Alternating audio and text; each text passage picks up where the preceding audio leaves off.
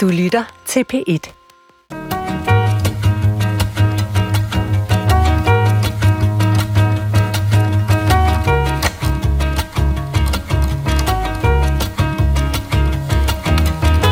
Nu tror jeg, vi alle sammen er her.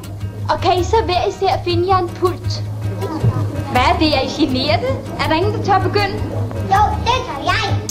Fra lille Pers første dag i skole har en hel generation lært, at den, som skriver det i gjort, han skal have sin ende smurt. Rim og ramser skovlede lærdom ind med skolemælken, men deres plads er overtaget af digitale værktøjer, og hvad det gør for det sprog, som eleverne forlader folkeskolen med, er, hvad vi bliver kloge på i dag. For du har stillet ind på Klog på Sprog, stedet hvor vi undersøger verden gennem de perspektiver, som sproget om den kan afsløre. Og for få uger siden så mødte ca. 60.000 børn ind på deres, til deres første skoledag her i Danmark, og vi benytter den her årstid til at høre, hvad computere og smartphones og tablets gør ved det levende ord i den danske folkeskole. Og til det formål har jeg inviteret tre specialister i studiet. Den ene skal om få dage forsvare sin Ph.D. i uddannelsesvidenskab, som han har skrevet på Aarhus Universitet. Og hvis alt går vel, og det plejer det faktisk meget ofte at gøre, vil jeg sige, så tiltræder han kort derefter sin nye stilling som adjunkt ved Københavns Universitet. Velkommen til dig, Lukas Kone. Tak. Lukas, det er jo altså en helt Ph.D., som du har skrevet om det her emne. Altså, hvad ville elevator-pitchen være, hvis du sådan skulle meget kort forklare en eller anden, hvad det er, du har skrevet en Ph.D. om? Jamen, så vil jeg forklare dem, at jeg har skrevet Ph.D. om, øh, hvordan, pæd- hvordan digitale teknologier i stigende grad er med til at forme pædagogiske praksiser i øh, skolen. Og, øh, og grunden til, at det er vigtigt og interessant at undersøge, er, at digitale teknologier i dag er ekstremt udbredte i den danske folkeskole. Den danske folkeskole har været sådan, hvad kan man sige, en pioner i forhold til at integrere øh, platforme og software og alle mulige andre ting ind i skolen og bruge det i undervisningen. Men også fordi, at betingelserne for, hvordan vi så bruger de her teknologier, har ændret sig på nogle måder, som jeg så har forsøgt at kortlægge. Og det er det, jeg i min afhandling kalder plug-and-play-pædagogik. Altså, hvordan vi i stigende grad ser øh, ønsket om, at man kan automatisere undervisningen, og hvordan det ønske udfordrer, kan man sige, nogle af de traditioner, vi har haft øh, for, en, øh, for en kritisk øh, skole og øh, brugen af det levende ord i undervisning osv. Så, videre. så det er noget af det. Ding! Der nåede vi op til femte sal. Tusind tak for den meget korte beretning. Min anden gæst er medlem af Danmarks Lærerforenings hovedbestyrelse og er forkvinde for samme lærerforenings undervisningsudvalg. Også velkommen til dig, Regitze Flanner. Tak. Regitze, altså hvordan forholder I jer i Danmarks Lærerforening sådan grundlæggende set til disse digitale læringsværktøjer, som Lukas fortæller os, at den danske folkeskole har været sådan øhm, trailblazer på, eller trendsætter på at få indført i undervisningen? Altså, er, er, er det sådan en hjælp eller en forhindring for den gode lærer, lærerproces? Man kan sige, at vi er hverken maskinstormer eller jubeloptimister. Vi er optaget af kvalitet i undervisning og lærernes mulighed for at lave god og motiverende undervisning for alle eleverne. Og det betyder også, at de her øh, læringsplatforme og, og digitalisering i skolen selvfølgelig skal indføres, så kvaliteten og ikke mindst lærerens professionelle råderum i undervisningssituationen bevares. Og der er det jo rigtigt, som, øh, som Lukas siger, at læringsplatforme kan komme til at styre undervisningen øh, og give læreren mindre råderum til at tilpasse undervisningen til de elever, man, man står overfor. Okay. Øh, min tredje gæst er ofte deltager i Klog på Sprog. Hun er sprogforsker og tidligere lektor i datalingvistik og tidligere direktør i Dansk Sprognævn, og hun er her for at hjælpe os med at rode sproglige kastanjer ud af ilden. Velkommen til dig, Sabine Kirchmeier. Tak. Sabine, hvor vigtigt vil du sige, at digitalisering og undervisning i den digitale verden er for den generation, som går i skole i dag? Altså, vi kommer ikke udenom, at de, når de kommer ud på arbejdsmarkedet, vil blive konfronteret med diverse digitale værktøjer, så en vis digitaliseringsparathed og også en vis øh, flære og forståelse for, hvad det er, man, man foretager sig, når man arbejder med digitale værktøjer, den, den bør man jo få øh, relativt tidligt. Vil du sige, det er et decideret sprog, de lærer sig? Altså, det er jo ikke sprog, det er mere omgangen med værktøjerne, fordi øh, man kan jo lære alle mulige ting udover sprog, også øh, ved hjælp af disse værktøjer. Og, men der findes selvfølgelig også sproglæringsværktøjer. Okay. Mit navn er Adrian Hughes, og jeg synes selv, jeg gik i skolen nogenlunde samtidig med Lille Per, som vi hørte i klippet her. Men jeg har regnet efter, jeg er dog im og væk hele 10 år yngre end Lille Per. Velkommen til Klog på Sprog. Først her i udsendelsen, så skal vi rette en beklagelig fortalelse, som kønsforskeren Christian Gros kom med i sidste uges udsendelse, som vi sendte live fra Kulturmødet øh, fra Mors, hvor vi talte om nye manderoller. Og han fik sagt, at det ikke bare var Jakob Ellemann Jensen og Alex Vandopslag, men også Anton Geist fra Dansk Politik, som var gået ned med stress. Og han mente altså faktisk Alternativets Torsten Geil, for det var nemlig Torsten Geil, som øh, blev sygemeldt i starten af august. Anton Geist passer formentlig med Geist øh, sit redaktørarbejde ved Dagbladet Information i bedste og ikke, i hvert fald ikke endnu, stressbælte øh, sygemeldte velgående. Lad os så kigge på, hvor meget digitalisering fylder i den danske folkeskole, for jeg kunne godt øh, tænke mig at indlede med en eller anden form for øh, overblik over det. At man kan i hvert fald sige, at inden børnene kommer i skole, så har allerede den her institution, Danmarks Radio, jo fat i dem og, og introducere dem til læring med leg. Altså vores, øh, vores børneportal Ramachan har øh, noget, som de kalder skæg øh, med ord, og det er altså min meget ærede kollega Herskæg, der er tale om i den her sammenhæng. Velkommen til min alfabot. Skal vi putte noget ned i trakten? Tuba. Det var godt. Så skal vi bare have gang i håndsvinget. T. U. B. Haha, det var sejt. Prøv at proppe ordet ind i alfabotten igen. Regitte Flanov møder elever op i skolen i dag med en forventning om, at dele af undervisningen skal foregå med computer og med tablets og andre digitale virkemidler. Jeg tror i hvert fald, man kan sige, at skolen er ikke en ø. Skolen er et øh, spejl af det samfund, vi har. Og jeg tror på, at vi i skolen er nødt til at forholde os til, at digitalisering er så stor en del af vores samfund. Og vi har jo faktisk øh, foreslået sammen med en lang, en, en lang række andre parter, at vi skulle have faget teknologiforståelse eller digital teknologiforståelse i skolen, fordi vi faktisk ser det som et sprog, man skal mestre for at blive myndig borger i vores samfund. Så det er et vilkår.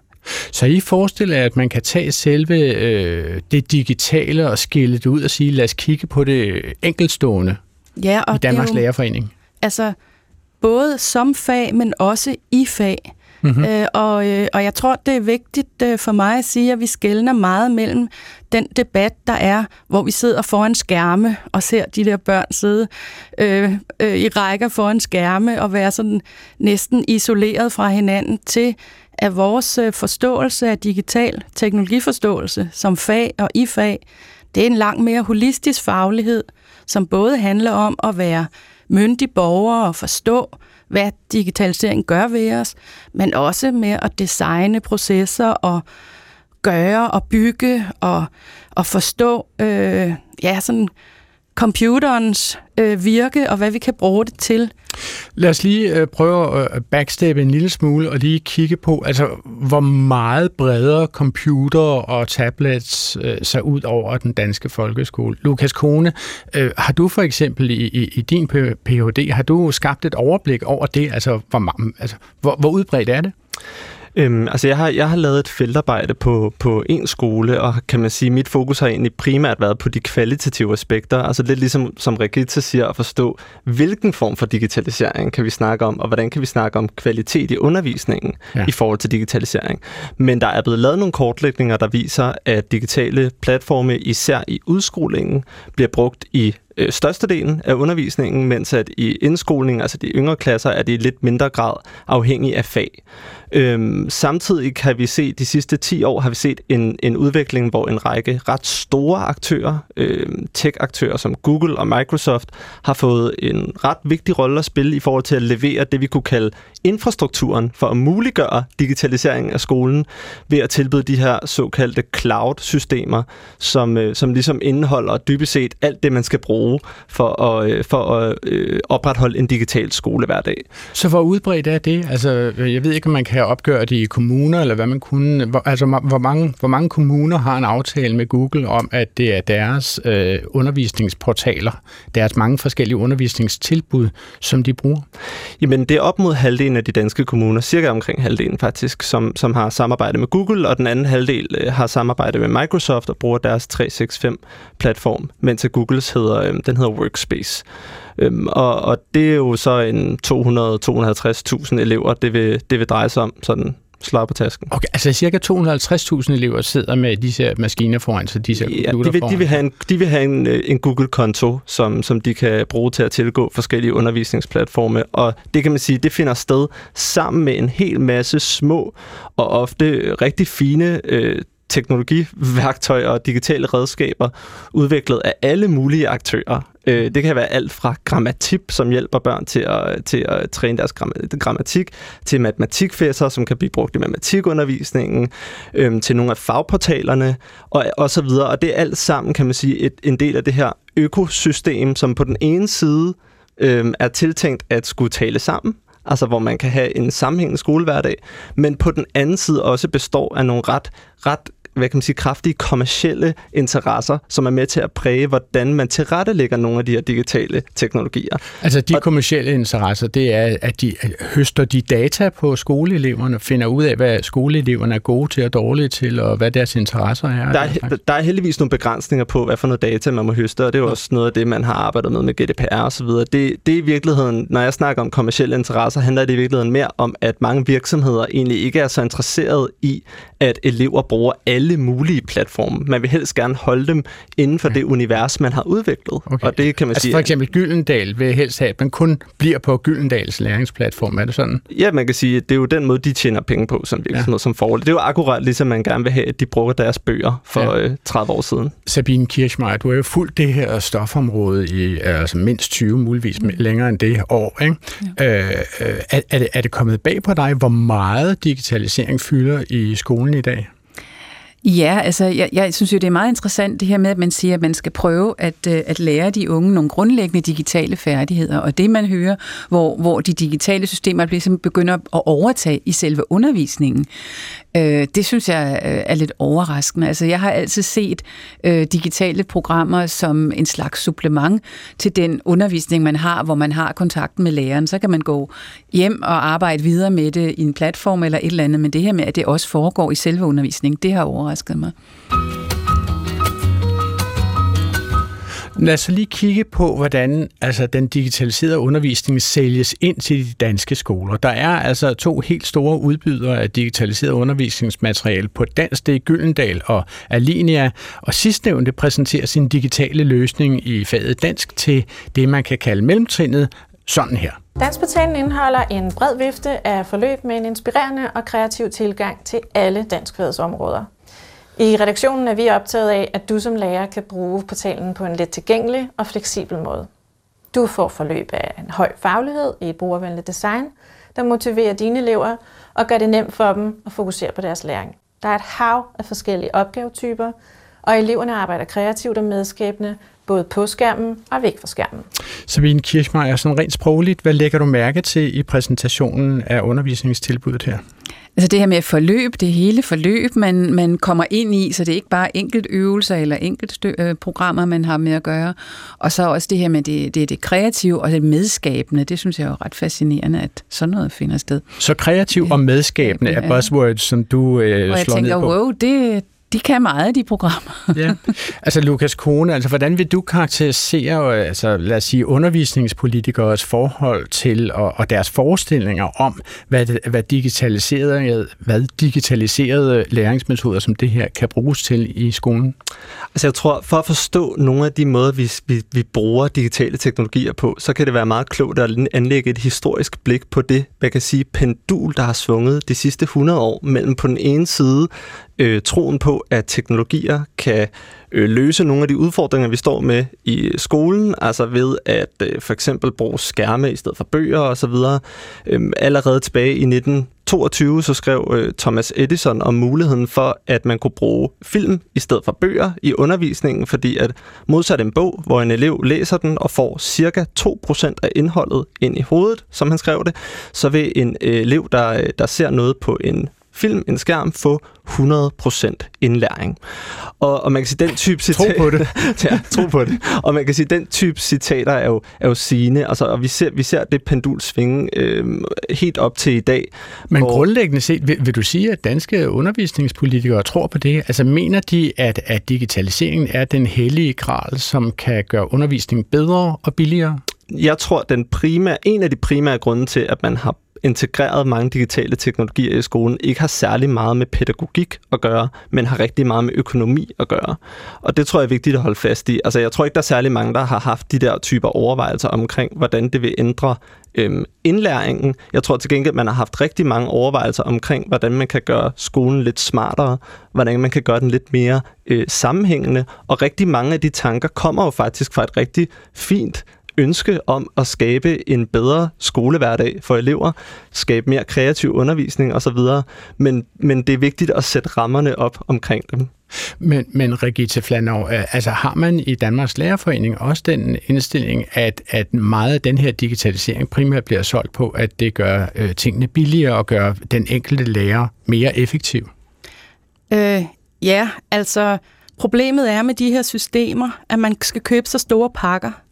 Øh, og det er det, der i virkeligheden øh, er et problem for lærernes råderum i forhold til at vælge præcis de undervisningsmidler, der understøtter formålet med undervisningen. Jeg har selv fornøjelsen af at nogle gange have møder med de her forlag, og øh, jeg har foreslået dem at lave en Spotify-model, så man kan plukke i deres portaler som professionel lærer og tage lidt fra det ene og noget andet fra det andet, så man ikke er bundet af de her pakker, som kommunerne jo også selvfølgelig af økonomiske årsager køber ind på. Men, men er, det det, er det dit bud på en løsning, at det her vil højne den enkelte lærers øh, handlefrihed og kreativitet eller engagement, eller hvad? Vi er i hvert fald meget optaget af, at man som lærer har adgang til de undervisningsmidler, man synes understøtter ens undervisning. Vi undersøgte faktisk øh, for nogle år siden, hvordan lærerne ser på analoge kontra digitale undervisningsmidler. Og de siger faktisk, at de har rimelig godt tjek på at skifte mellem det, når undervisningen, øh, øh, når, så det bedst muligt øh, støtter op om undervisningen. Men de siger også, at kommunerne har en forkærlighed for det digitale, og det tror jeg er økonomiske årsager. Altså man kan jo sige, at øh, et af de digitale læringsværktøjer, som, som mange af os kender, øh, fordi vi ikke har gået i skole for nylig i historisk tid, det er jo altså øh, den såkaldte Duolingo-app, hvor man kan lære eller også genopfriske sit øh, fremmedsprog ved enten at svare på multiple choice spørgsmål eller faktisk indtale korrekte udtalte svar. Welcome to a new look on Duolingo. We redesigned the home screen to better guide you through lessons. Follow a path crafted by our learning experts to help you better reach your goals and learn with confidence. Our popular short stories are now built into the path rather than a separate tab. You'll find a guidebook at the start of each unit, packed with grammar tips and useful phrases. And don't worry, we kept all the progress you've made so far. So head to the path and take the next step on your learning journey. Og nu bruger jeg Duolingo øh, bare som sådan et generelt eksempel på både de fordele og ulemper, der kan være ved digital læring. Fordi jeg forestiller mig, at det er en læringsplatform, som rigtig mange af vores lyttere måske har en eller anden form for kendskab til. Sabine Kirchmeier, bruger du Duolingo til at lære sprog? Jamen, jeg bruger det til at genopfriske mit fransk, som jeg aldrig har rigtig har haft. Ja. Så det har, det har jeg gjort, ja. Og hvordan virker det så på dig? Altså, hvad, hvad er din øh, læringsoplevelse med sådan et digitalt læringsværktøj som Duolingo? Ja, altså de har jo flere elementer. Dels har det nogle faste øvelser, man kan, man kan gennemgå, som du også nævnte. Øh, man kan gå frem i sit eget tempo, så at sige. Og så er der sådan en et element af det, man kalder gamification, altså spil over det, hvor man også konkurrerer lidt med hinanden og kan, kan tage kontakt med andre osv. Men dybest set er det jo nogle ret øh, simple øvelser, der er i, i programmet, og, øh, og man er kun i kontakt med maskinen. Og det gør jo, at man ikke lærer for eksempel sproget i interaktion. Og sprog er jo et, et, et middel til at interagere med andre. Det er primært derfor, vi har sprog, det er for at kunne, kunne videregive information og, og følelser og tanker til hinanden. Øh, og det gør man jo ikke i sådan en maskine. Og Men det betyder sige, det, at, at den viden, man får om fransk i dit tilfælde, at den sådan set er atomiseret? Altså, øh, du ved, hvad en cigaret hedder, men du ved ikke, hvordan du skal spørge om at købe nogle chitanes ved Jo, jo, det kan man godt øve og så videre, men man bliver ikke, hvad skal man sige, fleksibel i en, i en dialog, og man, man, man hører også forskellige stemmer, så jeg synes, altså det er et udmærket program, jeg har slet ikke noget imod det, og jeg synes også, det, jeg bruger det også stadigvæk. Men, men man kommer simpelthen ikke i en kommunikationssituation med et andet menneske, Hmm. øh, og det gør altså, at, at, du, at din motivation for at bruge det måske falder lidt, Hmm. og også din evne til at kommunikere ikke bliver brugt på nogen Nu hørte måde. vi den her lille reklame, som jeg spillede, en hel masse blip og botlyde, øh, Ja. som jeg næsten allerede, selvom jeg ikke spiller på Duolingo, jeg kan næsten mærke, at, at min hypotalamus, eller hvor det sidder, er begynder at reagere på de der små øh, biblelyde, som om, at øh, jeg skal have et lille skud dopamin, eller jeg får nærmest et lille skud dopamin op i min hjerne. Er der den der fornemmelse, at man hele tiden får en, en lille ostebid? Altså, det er jo ikke, der er jo ikke blip og blop, når man, når man sidder med det. Det er jo sådan rimelig stille og roligt. Men der er sådan en, en lille trigger, hvor man altså bliver mindet om, du skal huske at lave din øvelse i dag. Sabine, jeg får at vide i min øresnegl, mm. at der er blip, når man svarer rigtigt i Duolingo. Har du Og jeg tror, jeg har slået dem fra. Du har slået dem fra, selvfølgelig, fordi du er selvfølgelig en seriøs fransk forsker og en fransk under. Ja, du, du vil faktisk, du løfter din finger og siger, jeg vil faktisk gerne lære noget. Ja. Uh, Lukas Kone, nu brugte Sabine Kirchmeier jo det her udtryk gamification. Mm. Prøv lige at forklare os, hvad er gamification? Gamification? Mm, gamification er, er et begreb, som er blevet meget populært blandt øh, sådan, øh, nogle folk inden for sådan platformsudvikling, øh, digital design, alle mulige andre øh, områder af, af den verden, vi lever i, hvor, hvor man dybest set forsøger at skabe sådan nogle lidt modulariserede måder at tænke strukturering af indhold på, hvor Man, man... siger du øh, modula- modulariseret, ja, og med Ja, det mener jeg, at man, at man i stedet for, hvis vi nu sammenligner med en bog, og han har en masse ting på en side, og så er der nogle billeder, og der er noget tekst, og det er en hel masse information, så tager man indholdet, og så tager man en lille bid af det, og sætter det op på en skærm, og så sætter man måske en lille bar nedenunder, hvor der står, hvor langt man er i at læse, og så øh, kan man læse den første del, og måske lige klikke på en, øh, en, øh, hvad hedder det, et punkt for at bekræfte, at man har forstået, hvad der stod, og så bliver man så sendt videre til den næste lille bid, hvor der står noget mere, og så videre. Så man kan sige, det er en måde at tænke på, som handler om at gøre det at læse om oplysningstiden til, en, øh, til følelsen af lidt det samme som at spille et spil, kan man sige. Og er der nogle problemer i det? Altså, fordi jeg tænker, jeg er jo resultatorienteret, som regel i hvert fald, så tænker jeg, jeg er da meget glad for, at jeg får at vide, hvor langt jeg er i processen. Jeg, jeg, når jeg læser en bog, og det gør jeg jo også lejlighedsvis, en analog trygt bog, som jeg sidder med i mine hænder, øh, ja, så følger jeg jo med i sideantallet, fordi, og jeg bladrer jo også tilbage, uden at læse sidste ord i bogen, bladrer jeg tilbage for at se, om den er på 374 eller 78 sider. Så jeg følger jo med i, hvor langt jeg er i processen med at læse denne bog. Mm-hmm. Altså generelt kan man sige, at man skal jo være forsigtig med at tilskrive, tilskrive materialer en essens. Altså øhm, nogle gange bliver jeg spurgt om, hvad, hvad ændrer det, det der med at, gå, at være gået fra bøger til skærme og sådan noget. Og man kan sige, det det ændrer er jo, hvordan det bliver brugt. Altså det er altid socialt, hvad det bliver til. Og dermed kan man ikke sige, at øh, der er en eller anden væsentlig essentiel ændring i, hvordan indholdet tager form, når det bliver sat op på de her skærme. Jeg synes, det interessante er, når man undersøger det i et klasseværelse, hvor det netop bliver et socialt fænomen. Fordi øh, hvis, hvis jeg nu må komme med et konkret eksempel fra, fra en anden klasse, hvor, øh, hvor jeg har øh, lavet nogle observationer af matematikundervisningen, hvor man har brugt et matematikprogram, Øhm, der, der har vi en situation, hvor der sidder øh, plus 20 elever, som for at kunne bruge det her program får øh, høretelefoner på, sidder med hver deres skærm og skal sidde og løse sådan øh, basale, øh, basale matematikligninger på deres, øh, på deres øh, computer.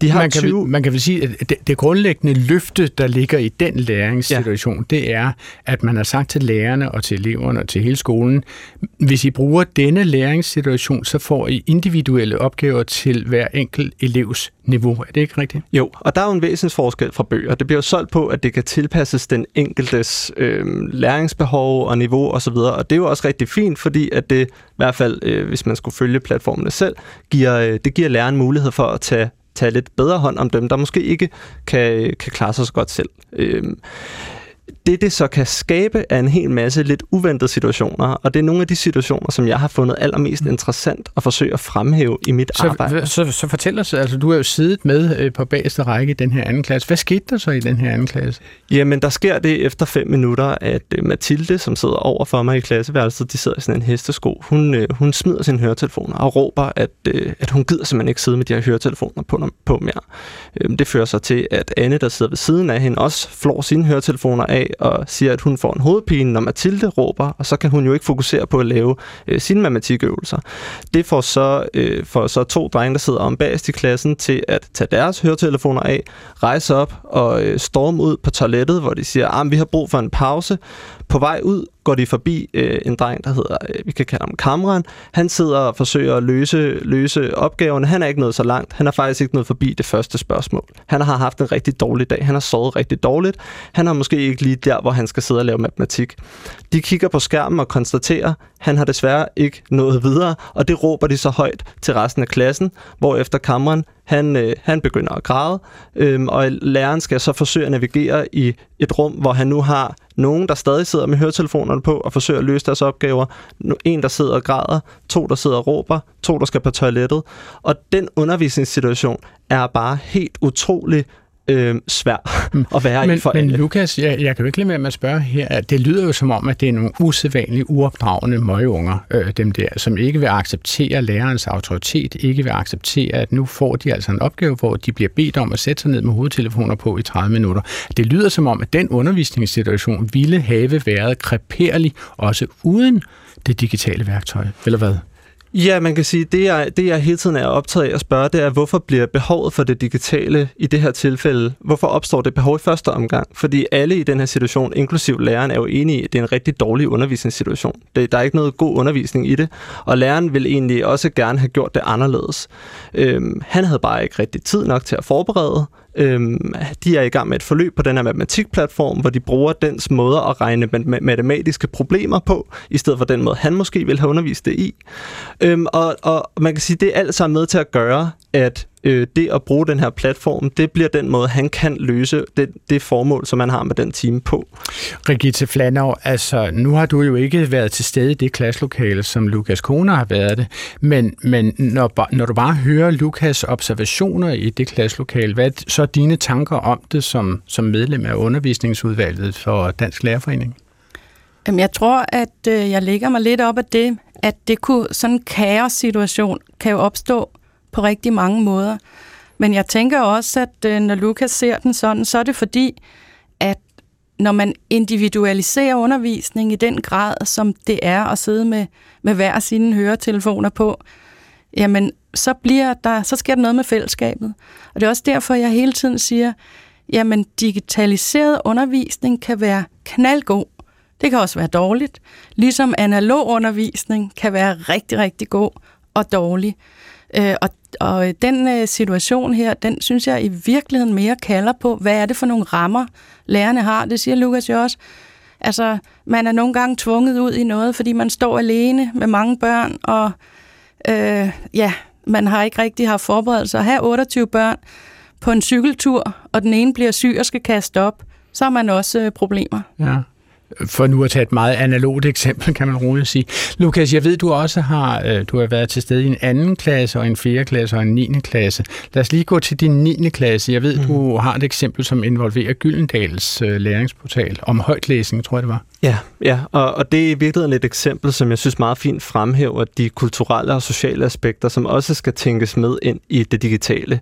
Øhm, mange digitale teknologier bliver ofte solgt med fokus på, hvad det kan gøre for den enkelte. Øh, men som Regita også siger, så synes jeg, det er ret interessant at spørge, hvad det gør ved fællesskabet, og hvad det gør ved det sprog, vi snakker i fællesskab. Så i den her 9. klasse brugte man øh, en gyldendal, øh, et gyldendal forløb, sådan et digitalt forløb, øh, om, om oplæsning, som er noget af det, man muligvis skal, øh, hvis man vælger den prøveform til 9. klasses afgangseksamen, hvor man skal læse en halv side højt fra en, øh, fra en tekst. Og det havde eleverne så et forløb om, som var struktureret af Gyldendals portal. Så det er igen et godt eksempel på den her modulariserede tænkning. Så var der øh, en sektion, der handlede om tempo, og noget, der handlede om pauser, og forskellige andre dele af, hvordan man laver en god, øh, en god oplæsning, kan man sige. Øh, der sker så det efter 10-15 minutter i undervisning, at platformen fryser. det kan ske, når man bruger digitale øh, ting. At, øh, altså sker det tit? Det skete overraskende tit, Nå, okay. vil, vil jeg så sige. Øh, jeg oplevede også en situation, hvor skolelederen øh, ikke kunne komme ind i nogle lokaler, fordi deres digitale nøglesystem var gået i stå, altså gået i stykker, så man var simpelthen lukket ud af sin egen skole. Nå, men det, altså, der, der er mange... Så, altså, hvordan, ja, den, ja, den altså, kan der- du ikke lade hænge i luften. Hvordan kom de ind i deres egen skole? ja, det, det, det må jeg desværre ikke sige. Øh, nej, det, de, de, Det handler om at kaste senge gennem vinduet. Præcis. Det er jo, Nå, det er jo okay. sko- mange skoler er heldigvis ekstremt kreative. Øhm, der, der sker så det i den her 9. klasse, at, øh, at øh, platformen fryser, øhm, og, og den situation, der udspiller sig efterfølgende, synes jeg var rigtig interessant. Øhm, læreren beslutter sig for at forsøge at få fat i Gyldendals. Øhm, de har sådan en hotline, altså en teknisk service for at spørge, øhm, hvad, hvad sker der, hvordan virker det, hvordan kan vi få det tilbage på sporet, fordi vi er ret tæt på eksamen. Det vil sige, hvis man lige pludselig skulle til at afvige fra det forløb, de var i gang med, det, vil, det oplevede læreren på det tidspunkt som værende lidt for risikofyldt. Så hun vælger at prioritere at forsøge at få fat i hotlinen. Hun vil simpelthen have systemet op at køre Hun vil igen. have systemet op at køre igen, i stedet for, kan man sige, at fortsætte på tavlen. Der er så i øvrigt heller ikke rigtig nogen tavle. Der er et whiteboard med en projekter på, fordi man har fjernet kridtavlen øhm, i det her undervisningslokale. Så man Øhm. kan slet ikke gå tilbage til analoge undervisningsmetoder, hvis det var det, man ønskede. Ja, så skulle man bruge sådan en tusch på, på det der whiteboard, men der kan man sige, der var så en projekter på nu. Så Okay. okay. der var faktisk ikke noget, øh, hvad kan man sige, sted, hvor læreren ville have kunne skrive noget, medmindre man havde slukket det. Så når, når Gyldendals portal går i udu, hvad sker der så blandt eleverne? Hvad observerede du der? Jamen, det er rigtig interessant, fordi det her er en elev med rigtig mange øh, ikke-etnisk danske øh, unge, som kommer fra alle mulige forskellige, øh, hvad kan man sige, kulturelle forudsætninger, og, og rigtig mange af dem... Øh, Altså en skole med mange øh, ja. øh, øh, etniske elever. Præcis, og man kan sige, noget af det, som, som, øhm, som folkeskolen spiller en vigtig rolle i øh, i dag, det er, kan man sige, at fremhæve, hvad for nogle styrker man har sprogligt, øh, og hvordan man kan lære dansk på mange forskellige måder og forskellige niveauer, sådan så man bliver klar til videre uddannelse osv. Det, der sker her, er, at en af eleverne øh, går, øh, går på nettet selv og forsøger at slå op, hvordan man kan snakke om tempo. Og det er jo sådan set en meget kreativ sådan, øh, hvad kan man sige, løsning på det, fordi her var den frosset, vi kan ikke læse, hvad der står. Det finder jeg ud af selv. Hvordan læser man godt op? En af de andre elever... Han tænker simpelthen, at han vil gå ind og finde en YouTube-video, en, en, en tutorial Ja. på det. Eller hvad? Ja, okay. og hvorfor ja. ikke? En af de andre elever øh, råber fra den anden ende af klassen, Wallah Habibi, som om du er dansk nok til at vide bedre end Gyldendal. og, øh, og, og, Det er vi og, ikke nogen, der er. Nej, det er vi nemlig ikke nogen, der er. Gyldendal er, er Gyldendal. Men, men det, der er interessant, er, at den dialog, eleverne har omkring den her platform efterfølgende, den han, kommer så til at handle om, kan man sige, Gyldendal som en autoritetsfigur i at bestemme, hvad der kan tælle som dansk nok eller ikke dansk nok. Alt, Altså, det er da alt, en- det er imens, da en alt imens læreren jo bare står og forsøger at få fat i en hotline. Fordi den her, den her samtale, eleverne har, er jo ufattelig interessant. Den kunne være rigtig relevant pædagogisk for at snakke lidt omkring sproglig autoritet, kultur osv. Men den falder jo til jorden og bliver til den her, ja, et rigtig godt eksempel, synes jeg, på øh, platform og sprog. Men Rigitte Flanov, det her det er jo et eksempel på, at der sådan set altså, er er provokeret eller affødt af det her digitale læringsværktøj, som åbenbart går i udu lige der, så udspiller der sig en meget spændende diskussion, som altså sådan set er hardcore dansk undervisning. Og, altså det, det kunne en lærer med overskud vil have fanget og taget op. Helt sikkert. Hvad skal der til for, at en lærer får det overskud? Jamen, der skal nogle vilkår og nogle rammer, så man har det professionelle røde rum og føler sig tryg og godt tilpas i det. Man har øh, relationer, gode relationer, kontakt til sine elever og kan sit stof. Altså det er det, der giver en lærer øh, overskud til at gribe ligesom momentet. Og jeg, øh, altså, man kan ikke forestille sig, hvor ærgerligt det er at komme ind og have forberedt et godt undervisningsforløb. Man er glæder sig, man er stolt, og så går øh, teknikken ned. Den driftssikkerhed er simpelthen alt afgørende, fordi undervisning er jo en sårbar situation i sådan en lokale. Øh, det er et flow, og hvis du mister det flow, så får du det måske ikke genoprettet igen i den time. Og nu spørgsmål fra lytterne. Du lytter til Klog på Sprog, hvor vi kigger på skolernes digitale skærme og undersøger, hvad bits og bytes gør ved elevernes sprog. Og jeg har selskab af Lukas Kone, som er Ph.D.-stipendiat i uddannelsesvidenskab ved Aarhus Universitet, øh, og Regitze Flanov, som er forkvinde for undervisningsudvalget ved Danmarks Lærerforening, og Sabine Kirchmeier, som er lektor i datalingvistik og tidligere direktør i Dansk Sprognævn. Vi har fået et lytterspørgsmål, som tager udgangspunkt i, hvordan lærere taler om deres elever og disses forældre. Lytteren Jens Harskov Christensen fra Lyngby oplyser at være lærer i folkeskolen og have bemærket en ændring. Han skriver, mine kolleger i folkeskolen omtalte tidligere elevernes forældre med udsagnet, jeg har talt med hans mor, eller jeg har talt med moren. Nu siger man, jeg har talt med mor.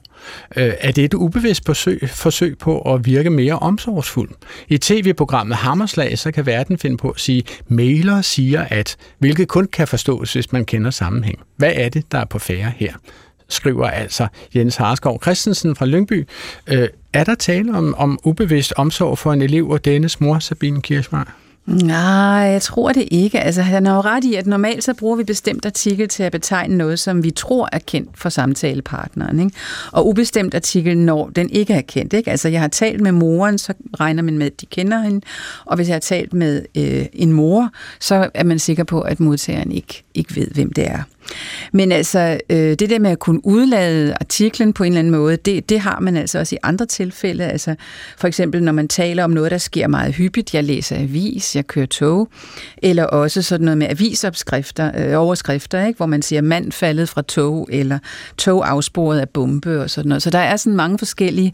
Og for eksempel... Ja, det er, hvis der er pladsmangel, så behøver man ja, ikke at skrive ja, én ja, bombe så vi har sådan mand. en, en generel... Øh, vi kan godt i nogle tilfælde udlade de der artikler, især når det er noget, der sådan er meget kendt. Og for eksempel også kan man høre søskende sige, at jeg har talt med mor, så betyder det jo, at vores fælles mor, det er den mor, vi begge to refererer til.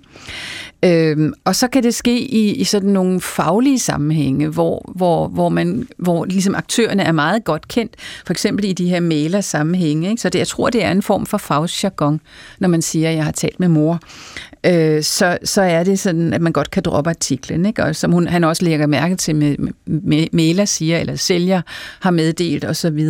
Og man ser det for eksempel også i håndværkerkredse, hvor de siger, øh, det her det skal placeres 20 cm fra dør og ikke fra døren. Og så ved folk, at det er en bestemt dør, der er tale om, fordi Ja. de har set tegninger. Ja, og sådan. og sådan, ikke? Altså, da jeg læste det her spørgsmål, så kom jeg i tanke om Meyer øh, fra Ja. ja. huset på Christianshavn, for, som altid havde en ganske særlig måde at omtale det, som jeg nu vælger at kalde hans mor. Eller når det nu er ham, som siger det, så er det sin mor.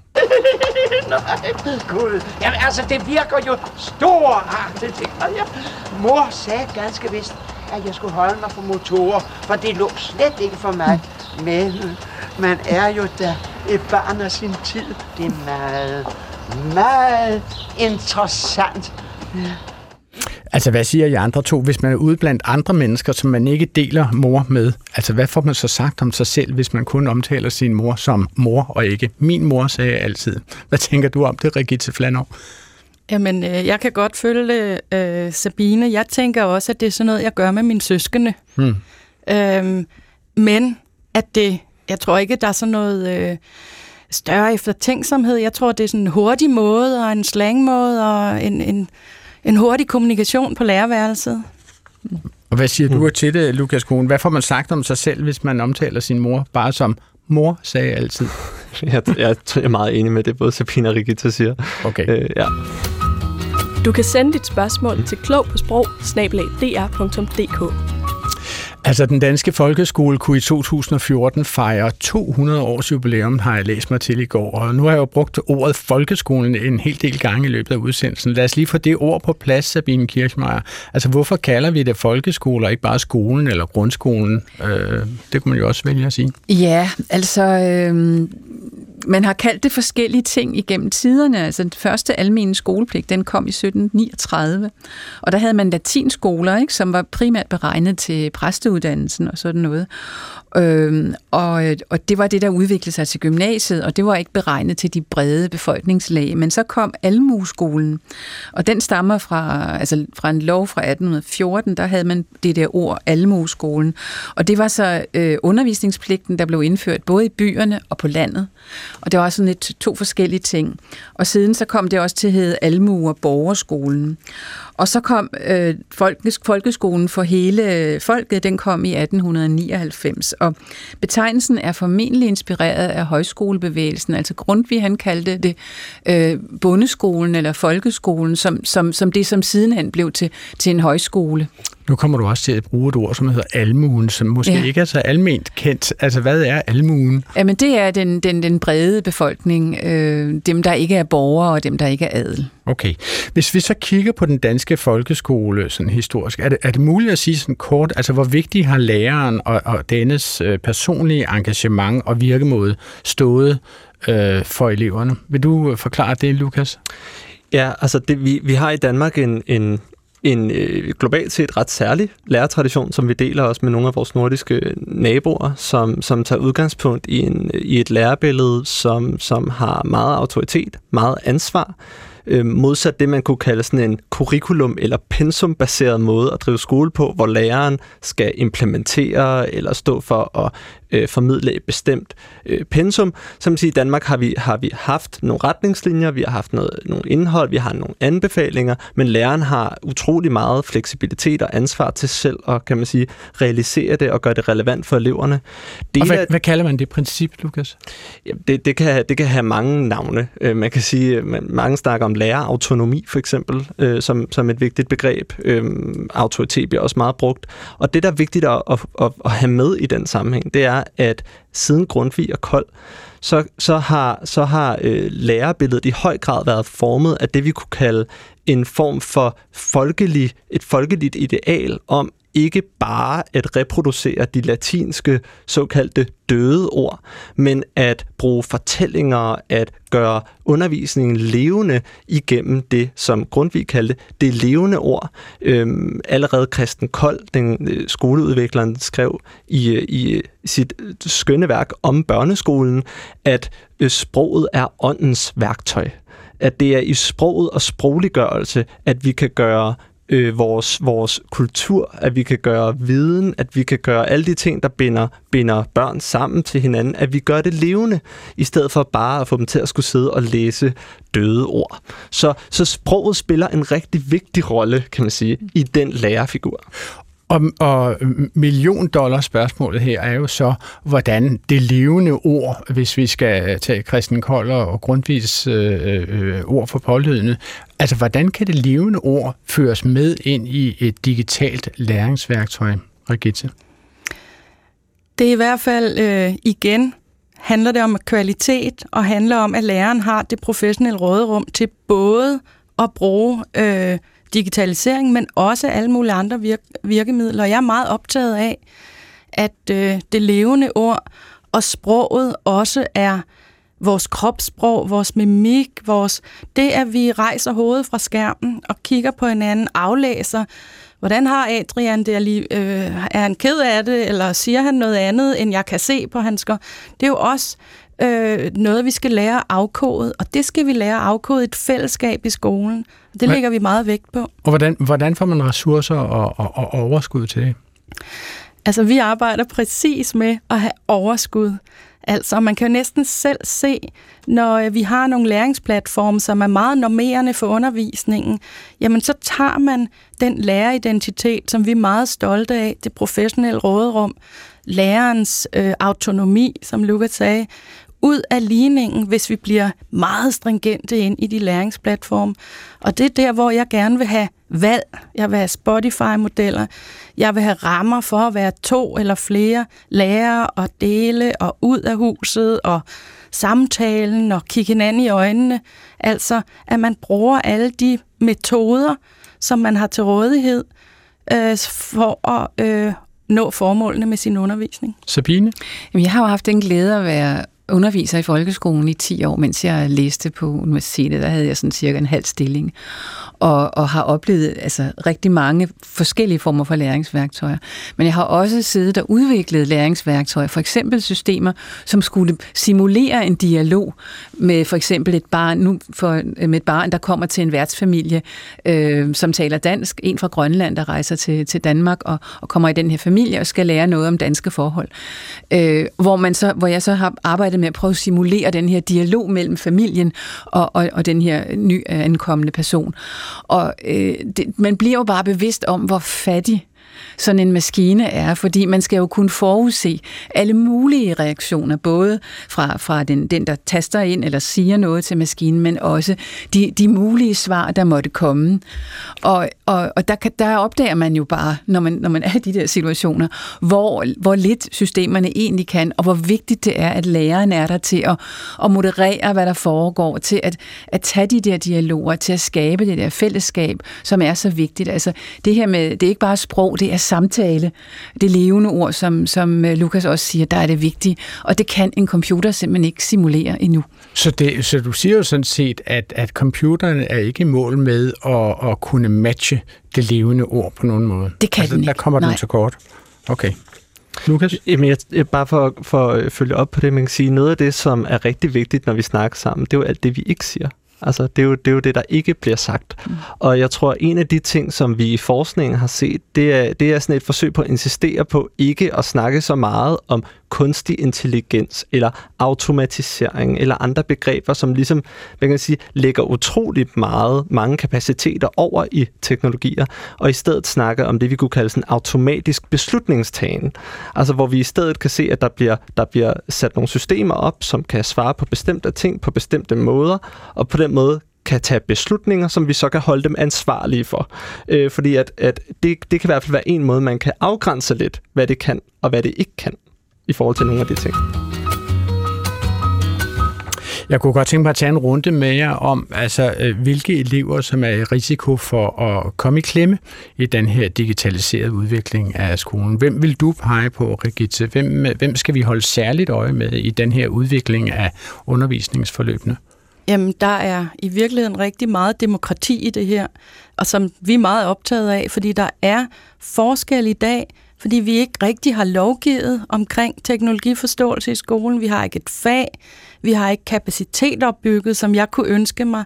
Og det vil sige, at det er meget ildsjæle, der foregår rigtig meget dygtig undervisning rundt omkring. Det skal jeg anerkende. Men det bliver ildsjæle, og det bliver ikke alle steder. Og derfor vil det både være geografisk, at man misser nogen. Det kan også være nogen, der ikke kommer fra så ressourcestærke hjem, så de har alt grad. Så, så jeg er glad for det spørgsmål, fordi det er i virkeligheden også et elevrettighedsspørgsmål. Og når du siger alt grad, så mener du, de har bare ikke computeren derhjemme? Eller Ja, eller sådan tablets, eller hvad det er? øh, forudsætninger for, at det er sådan, man også problemløser øh, og, og tænker. Ja.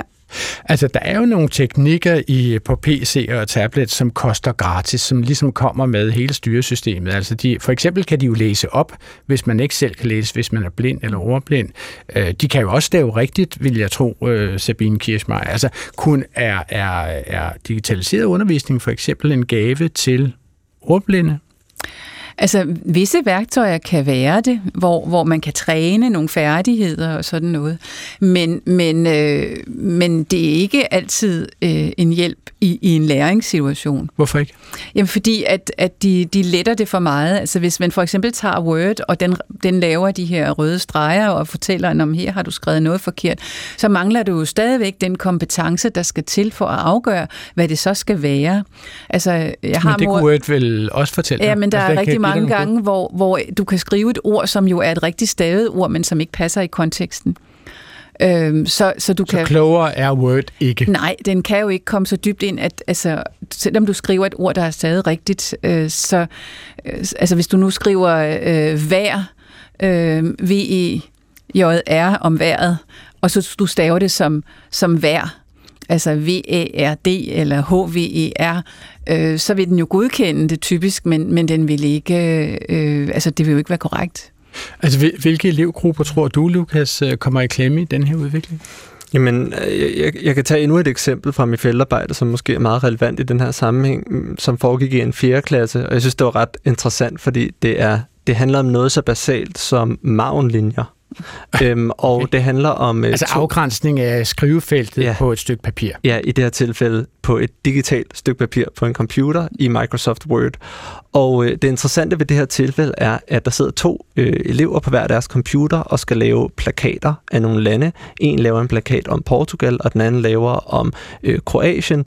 Øh, vores, vores kære elev, som skal lave en plakat om Portugal, vil rigtig gerne have et billede af Cristiano Ronaldo, fodboldspilleren, ind på sit, øh, sin plakat. For han er nemlig portugiser, ved jeg.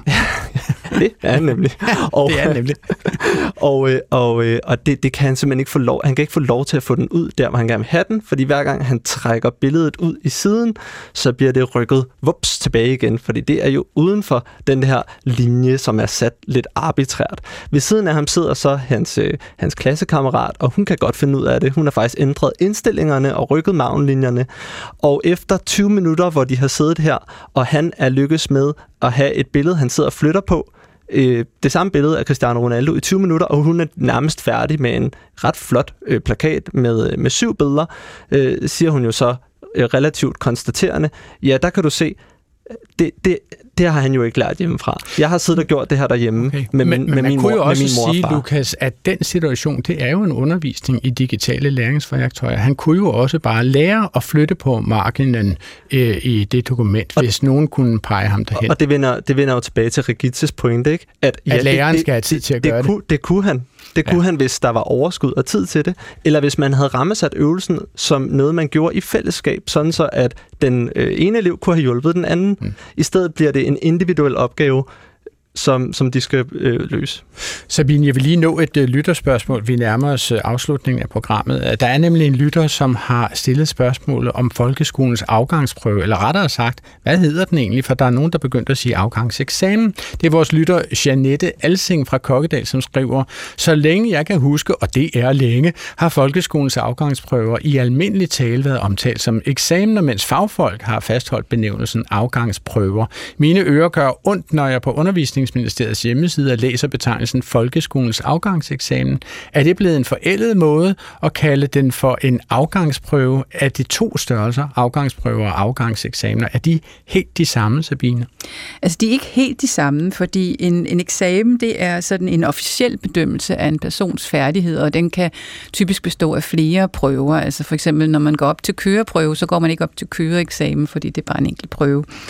Øhm, men, men, og en prøve, det er sådan en, et eksempel på, hvad man kan. Altså man taler også om smagsprøver og, og alle mulige andre typer prøver. Øh, så, så øh, man, man har en lidt mindre, altså en prøve er en lidt mindre ting, og en eksamen er sådan en officiel ting, som, som man tager som sådan en samlet øh, ting, der dokumenterer, og man kan gå videre i uddannelsessystemet. Så hvis man siger eksamen, har man så gjort det mere vigtigt? Er det simpelthen blevet en større sag? Ja, og det er sådan lidt mere knald eller fald. Man kan bestå en eksamen og så videre, ikke? Og, og så kan man få lov at gå videre, eller også så kan man ikke. Men altså med folkeskolen, øh, eller med, med den her betegnelse med folkeskolens afgangsprøve, som jeg også troede, det hed, altså stadigvæk. Jeg havde heller ikke forstået, at man i forbindelse med gymnasiereformen faktisk har lavet det om og begyndt at kalde det afgangseksamen. Øh, og øh, øh, hvad hedder det, skolelederne protesterede faktisk imod det, fordi de synes, at det var for hård en betegnelse. De ville godt have øh, for, for fastholde afgangsprøve. Og det kan være, at du også har noget om det, øh, pizza. Det var faktisk en stor diskussion. Jeg tror, det var Ellen Trane Nørby, der var undervisningsminister på det tidspunkt. Hun sagde, at det var lige meget, okay. om det hed det ene eller det andet. Og det sidste, vi kan nå at, at, at kigge lidt på, det er jo altså at forsøge at sætte de lange øh, fjernlygter på og kigge ud i fremtiden. Altså man kan sige, altså børn og unges øh, brug af skærme er jo meget politisk omdiskuteret for tiden. Statsminister Mette Frederiksen koblede i en debat i Folketinget om unges mistrivsel, der koblede hun skærmforbruget sammen med generationens umådeholdende øh, mistrivsel. Ikke? Og det lød sådan her. I lang tid har vi jo øh, sagt, altså der er det, noget af det, der er blevet sagt her, det er, at hvis bare man gav gratis psykologhjælp til vores børn og unge, så kunne man komme mistrivselsproblemerne til livs. Eller det handler om nummeringer, og det handler om noget tredje eller noget fjerde. Og jeg tror, det handler om rigtig mange ting, men rigtig meget starter og slutter her. Øh, og jeg tror, der er en meget, meget, meget stor sammenhæng mellem det faktum, at vi aldrig nogensinde før har haft så mange børn, der ikke har haft det godt, og så lige præcis den her skærm. Så skal vi regulere? Ja, det skal vi. Skal vi passe på vores børn og unge? Ja, det skal vi. Skal vi have skærmene meget mere ud af skolen? Ja. Skulle de nogensinde have været inde i vuggestuen og børnehaven? Nej. Altså, ville alle problemer være løst, hvis vi kunne bandvise skærmene fra klasseværelserne, Regitze Flanov? Nej, nej. Skolen er ikke en ø. I skolen skal vi lære børnene at forholde sig til den verden, den digitalisering, vi alle sammen er udsat for. Det er en dannelsesproces, som vi skal være i. Hvad siger du til det, Lukas Kone? Jamen, jeg er meget enig med Regitte. Altså, god gamle Løstrup sagde, at samfundet har den skole, det fortjener. Ikke? altså, man skal lade være med at bruge skolen som instrument for alle mulige andre måder at leve på. Jeg tror, det er vigtigt, at vi tager ansvar for den verden, vi, vi, vi lever i, og de teknologier, vi bruger i skolen. Og en af de måder, man gør det, jamen, det er ved at sørge for, at vi kan øh, diskutere brugen, øh, vi kan regulere brugen af teknologier ude på skolerne selv, i stedet for at forankre dem i nogle økonomiske i virkeligheden logikker omkring, hvordan vi kan spare og så videre. Så det er en af de ting, jeg synes, der er interessante. Noget andet er, at øh, noget jeg lagde mærke til i, i Mette Frederiksens øh, hvad kan man sige, lille tale her, det var ord, brugen af ordet sammenhæng. Altså hun mener, at der er en sammenhæng mellem det. Noget af det, jeg synes, vi skal være påpasselige med, det er den her søgen efter efter kausale sammenhænge, altså søgen efter sandheden om skærmen. Altså i mange år har sandheden om skærmen været, at de kan automatisk bidrage til børns læring. Nu viser det sig, at de kan gøre en hel masse andre ting, som måske er lidt mindre gode. Øhm, og man skal passe på med at erstatte den ene søgen efter sandheden med en ny. Altså i det her tilfælde sandheden om, at skærme de facto er skadelige. Øh, det, det tror jeg er vigtigt at, at være opmærksom på. Sabine, du får de sidste 20 sekunder af programmet. Ja, altså jeg kommer fra Farum, hvor vi fik gratis computer af Peter Brikstoft i sin tid, og min søn, han gik i første klasse. Men læreren havde ingen efteruddannelse fået, eller ingen viden om, hvordan de skulle bruge de her systemer, og det er alfa og omega, at man gør det i samarbejde med lærerne. Og det tror jeg også, at du kan skrive under på, Rigit. Ja. ja, der kommer et stort ja fra dig. Hvis du hører det her i såkaldt flow-radio, så ringer rådhusklokkerne om et øjeblik ud til det store spisefrikvarter, hvor man sådan kan høre middagsradioavisen, mens man gumler sin madpakke med leverpostej og de blødende rødbeder på øh, pergamentpapiret. Det betyder også, at Klog på Sprog øh, pakker tablets og penalhuse sammen. Jeg siger tak til mine gæster. Lukas Kone, Ph.D.-stipendiat i uddannelsesvidenskab ved Aarhus Universitet, og som om få uger forsvarer sin Ph.D. God fornøjelse med det, Lukas. Og tak til Rigitte Flanov, forkvinde for undervisningsudvalget ved Danmarks Lærerforening. Og tak til Sabine Kirchmeier, som er lektor i datalingvistik og tidligere direktør af Dansk Brugnævn. Øh, denne udsendelse var tilrettelagt af Tobias Hermann og Clara Witt, der styrede teknikken, og af mig, Adrian Hughes, og der, mens I rejser jer op og skramler med stole og borde, råber ud i klasseværelset, at I altid kan finde klog på sprog digitalt i DR Lyd. Og husk at stille et sprogspørgsmål på vores mail, klog på sprog, snablag, DR.dk, og kom tilbage til radioen herop til middagsradioavisen næste fredag. Gå på opdagelse i alle DR's podcast og radioprogrammer. I appen DR Lyd.